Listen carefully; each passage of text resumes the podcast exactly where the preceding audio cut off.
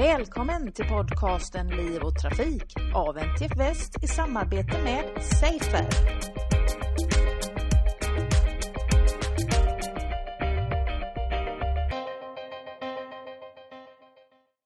Idag så träffar vi Safer-forskaren Gustav Sjöblom som eh, forskar vid institutionen för teknikens ekonomi och organisation vid Chalmers. Välkommen till programmet Gustav. Tack. Du är eh, filosofie doktor i historia och du forskar huvudsakligen om modern transporthistoria och informationsteknologi. Eh, så idag kommer det bli ett eh, litet nedslag i din forskning som eh, är en historisk tillbakablick på hur det svenska samhället byggdes för bilismen och den högertrafikomläggning 1967 som genomfördes för att öka trafiksäkerheten. Och din forskning visar att eh, trafiksäkerhetsarbetet eh, därefter påverkades i hög grad av den här högertrafikomläggningen. Men om vi tar det hela från början så vill vi gärna veta först vad är bakgrunden till att du har intresserat dig för den här frågan? Att eh, trafiksäkerhet skulle vara ett svenskt specialområde, något som man stöter på på ganska många ställen. Det är viktigt i, eh, man kan se det på, i, i statliga dokument och bland forskare och det är en vanlig föreställning också bland många människor. Och vi ville titta närmare på det och det kan man göra på olika sätt. Man kan eh, göra kvantitativa statistiska jämförelser och, och jämföra olika länder. Men vi valde att fokusera på en händelse som finns i Sverige men inte finns i något annat land. Och det är den här omställningen från vänstertrafik till högertrafik 1967. Och det kanske låter som en liten och mest sådär teknisk fråga. Det spelar väl inte så stor roll vilken sida man, eh, som man kör på. Kör man till vänster eller kör man till höger? Men den här omställningen krävde i själva verket väldigt mycket. Det krävde att man byggde om infrastrukturen, motorvägar, påfarter och avfarter. Mycket av eh, vägarna, skyltningen inne i städerna.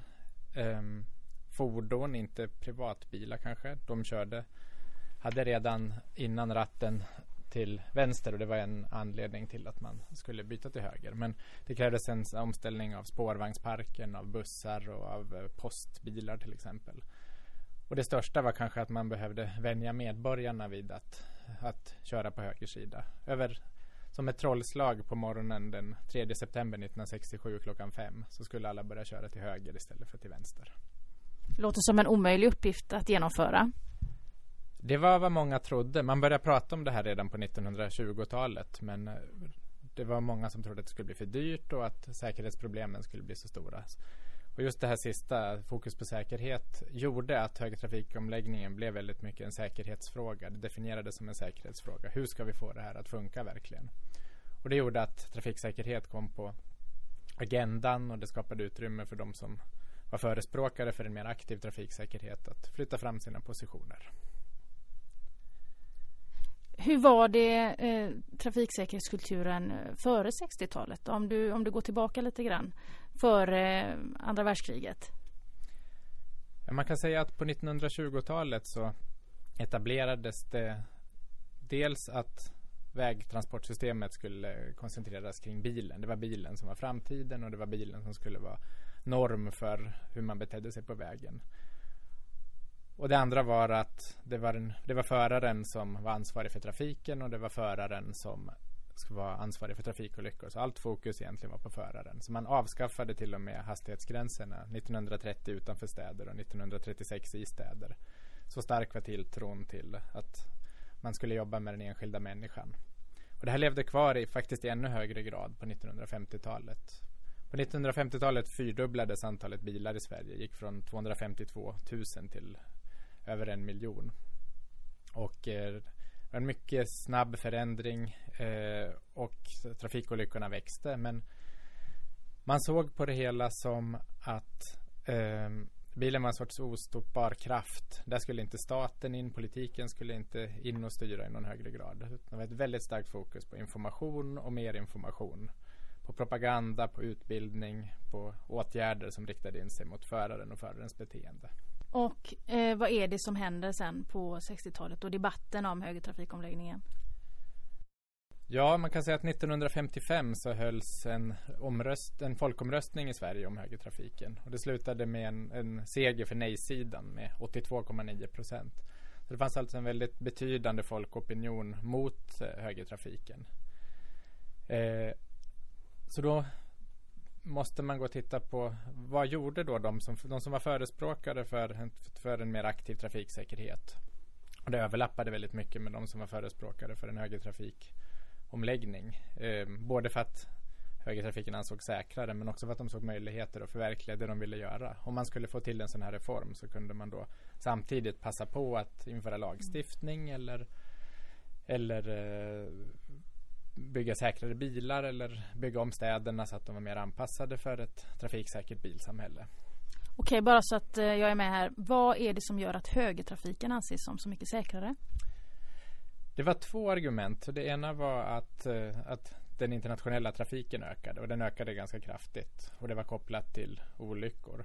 Och det fanns också en, en generellt ett tryck på Sverige att det skulle ha samma regler och samma system som man hade i resten av Europa. Långt innan vi var med i EU alltså så fanns det inom trafikområdet. Det andra gällde att bilarna hade ratten till vänster och att det var farligt framförallt vid omkörningsolyckor. Okej, okay. och vad kommer det sig att man hade ratten till vänster eh, fastän man hade en vänstertrafik innan? Bilar har alltid producerats för den, väldigt mycket för en global marknad. Så det var ett, jag är inte säker på det, men jag tror att det var ett val som Volvo och Saab gjorde då i ett tidigt skede. Att man skulle anpassa sig till den, den stora internationella marknaden som då var för, högers, eller för vänsterstyrda bilar. Mot de här två argumenten för att det skulle bli trafiksäkrare att byta till högertrafik så stod då argumentet att själva bytet skulle bli väldigt farligt. Och det gjorde att eh, hela uppladdningen inför, inför eh, högertrafikomläggningen blev en, en enda stor trafiksäkerhetskampanj kan man säga som nådde i princip hela svenska samhället. Efter folkomröstningsnejet 1955 så bildades det en förening som hette Föreningen för högertrafik i Sverige.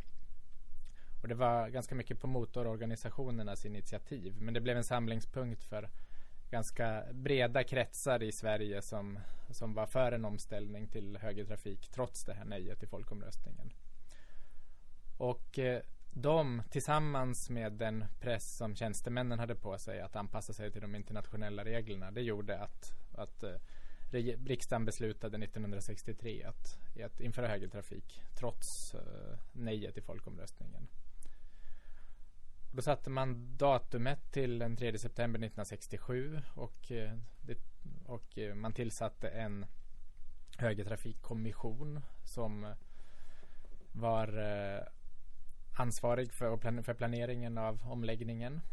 Och så satte man igång med det praktiska arbetet. Man började med att titta på, på, på planeringen för fordon och infrastruktur men ganska snart kom fokus väldigt mycket på propagandainsatsen. Om man tittar på det så här i backspegeln nu då. Eh, Storbritannien exempelvis som inte eh, la om sin trafik utan fortfarande idag har vänstertrafik. Gjorde de fel då? Har de halkat efter med säkerheten på grund av det? Jag vet inte om jag riktigt kan svara på det men man kan säga att två av argumenten är inte lika starka. Dels hade de bilar som var anpassade för att köra på, hade och har för att köra till vänster. Dels har den internationella trafiken inte, inte ett lika stort problem. Det är klart att det finns internationell trafik i Storbritannien också men den, det, det är inte lika mycket gränsöverskridande trafik. Sen finns ju också traditionen med hela det brittiska, brittiska imperiet och, och där man fortfarande kör till vänster. Okej, men går det att säga att högertrafik i sig är säkrare än vänstertrafik exempelvis eh, oberoende då av eh, de här andra faktorerna som du nämnde? Jag vet inte. Det fin- jag vet att det finns en diskussion om det här. Till exempel att eh, om, om, man, hur, hur människor reagerar spontant. Om, om man, eh, vilka rattrörelser man gör spontant i en oförberedd situation. Och, och hur, hur upp, uppmärksamheten skiljer sig beroende på varifrån någonting kommer. Det finns sådana resonemang. Men jag vet inte om det har någon, eh, någon, någon större betydelse. Nej. Eh, när omläggningen väl skulle genomföras ändå, hur gick det friktionsfritt eller hur, hur förlöpte det?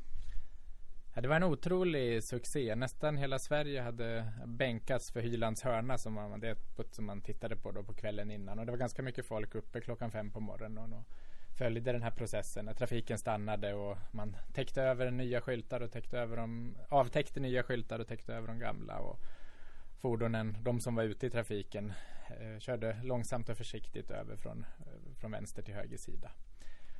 Och eh, det var en jättesuccé. Olyckorna minskade och eh, det var början till den långsiktiga omställningen. Sen 1966 så har vi haft för det mesta fallande olyckstal i Sverige om man ser till hur många människor som förolyckas per år.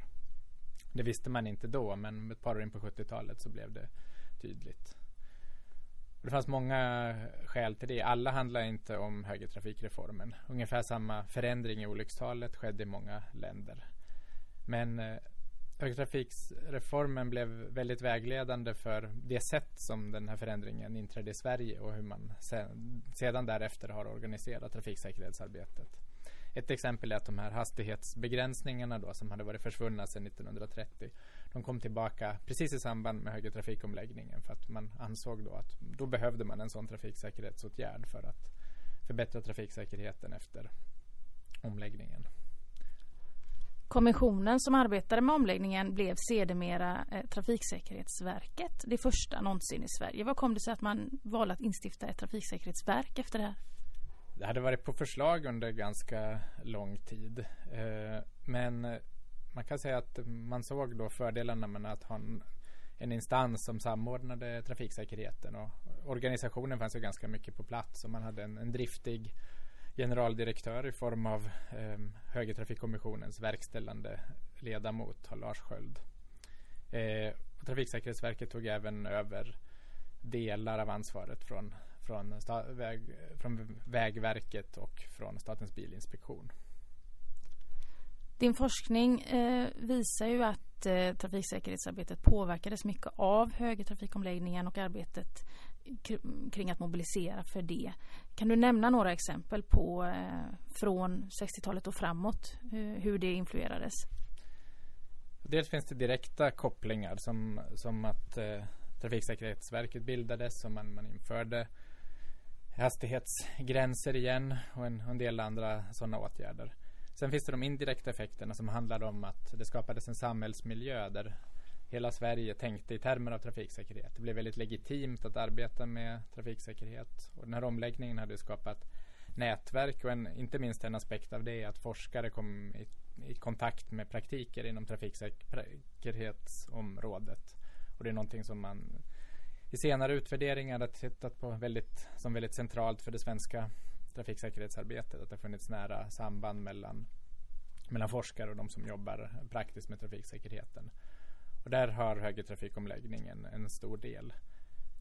Och den här samhälleliga uppmärksamheten gjorde också till exempel att Vägverket och Planverket publicerade nya riktlinjer för stadsplanering som heter SKAFT 1968.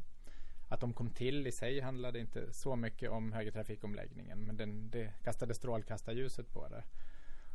Och de här riktlinjerna har sen, med, har sen blivit väldigt vägledande för hur svenska städer har utformats. Man kan säga samma på fordonsområdet att den, den väldiga utvecklingen i bilsäkerhet som har skett sedan dess tog verkligen fart under 60-talet. Det fanns viss säkerhetsorientering hos Volvo och Saab tidigare men det var mera i relation till hur det var utomlands än till de verkliga behoven så att säga. Eh, och det var också det var starka in, influenser från USA där Ralph Nader hade väckt mycket uppmärksamhet för trafiksäkerhet. Men i Sverige fanns det då en, en, en ett, ett, intresse för de här frågorna. Det fanns en beredskap och det fanns eh, en organisation för att ta hand om det och, och implementera det. Och eh, um, det var säkerligen så att, att Volvos beslut att eh, verkligen satsa på trafiksäkerhet inspirerades av den här miljön där trafiksäkerhet stod så mycket i fokus. Jag förstår. Det är ju en unik händelse som du inledde med att säga den här högertrafikomläggningen som fick ett fantastiskt gott resultat. Eh, och du har i detalj studerat hur man genomförde det och mobiliserade och genomdrev beslut. Utifrån, om du får lov att ehm, eh, ge din personliga syn lite grann här. Vad kan vi lära oss av den här historien? Ja, en aspekt som, som vi fokuserar mycket på är just hur, hur de här hur högertrafikreformen skapade utrymme för, för vissa grupper, alltså för experter och planerare och för eh, intresseorganisationer och, och företag att, att, att, flytta fram sina positioner, att, att, att, skapa ett utrymme. Det blev legitimt det de gjorde och ville göra. Och gemensamt för dem var att, att det viktiga var att bygga ett bilsamhälle. Bilen stod väldigt mycket i fokus. Om man tittar på alla visioner och uttalanden så är det så är det att trafiksäkerhet handlar inte bara om att göra trafiken säkrare. Den handlar om att göra den tra trafiksäkrare med bilen i fokus. Så att, så att en hel del av de effekter vi har sett sen har handlat om att, att bilen helt enkelt har börjat dominera hur vi rör oss och vi flyttar våra varor mer och mer. Och det tror jag är viktigt att ha med sig nu idag när vi, när vi försöker, inte, inte ta bort, men kanske minska bilens dominans och framförallt i, i städerna då. Att